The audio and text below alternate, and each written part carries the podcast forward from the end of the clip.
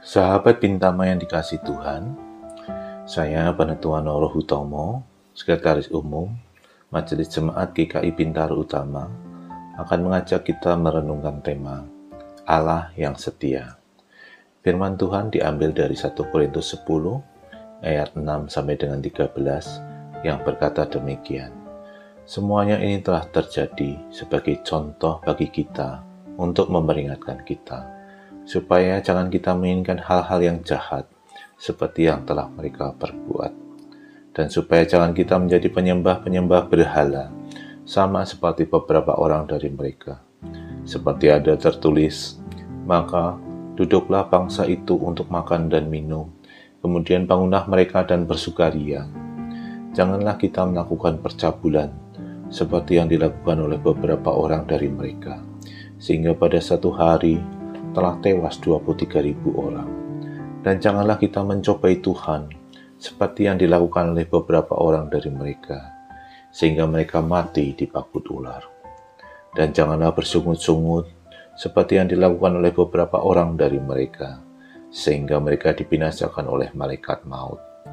Semuanya telah menimpa mereka sebagai contoh dan dituliskan untuk menjadi peringatan bagi kita yang hidup pada waktu di mana zaman akhir telah tiba. Sebab itu, siapa yang menyangka bahwa, ia teguh berdiri? Hati-hatilah supaya ia jangan jatuh. Pencobaan-pencobaan yang kamu alami ialah pencobaan-pencobaan biasa yang tidak melebihi kekuatan manusia, sebab Allah setia. Dan karena itu, ia tidak akan membiarkan kamu dicobai melampaui kekuatanmu pada waktu kamu dicobai, ia akan memberikan kepadamu jalan keluar, sehingga kamu dapat menanggungnya. Bapak Ibu yang dikasih Tuhan, dalam masa prapaskah ini, kita yang berpuasa akan mengalami pengalaman-pengalaman pencobaan. Ada yang puasa makanan tertentu, ada yang puasa tidak melakukan kegiatan-kegiatan tertentu, dan yang lain sebagainya. Hal ini sebenarnya merupakan hal-hal yang biasa, bila mana pada saat kehidupan kita sehari-hari atau saat kita tidak puasa. Tetapi karena hal ini terjadi pada saat kita puasa, hal yang kita hindari tersebut menjadi hal yang luar biasa. Seakan-akan hal tersebut sangat berat untuk dilakukan dan menjadi pencobaan yang dialami dalam masa puasa ini.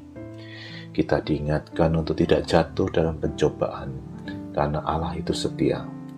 Allah berfirman, bahwa pencobaan yang kita terima tidak akan melebihi kekuatan kita sebagai manusia. Allah berjanji akan selalu memberikan jalan keluar sehingga kita mampu menanggungnya.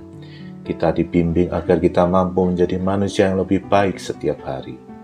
Marilah kita tetap teguh menjalankan puasa kita dan tetap beriman, memandang salib Tuhan Yesus yang telah mati untuk menebus dosa-dosa kita Hal ini semuanya pasti tidak sia-sia. Ada rencana Allah yang selalu baik untuk kita setiap hari.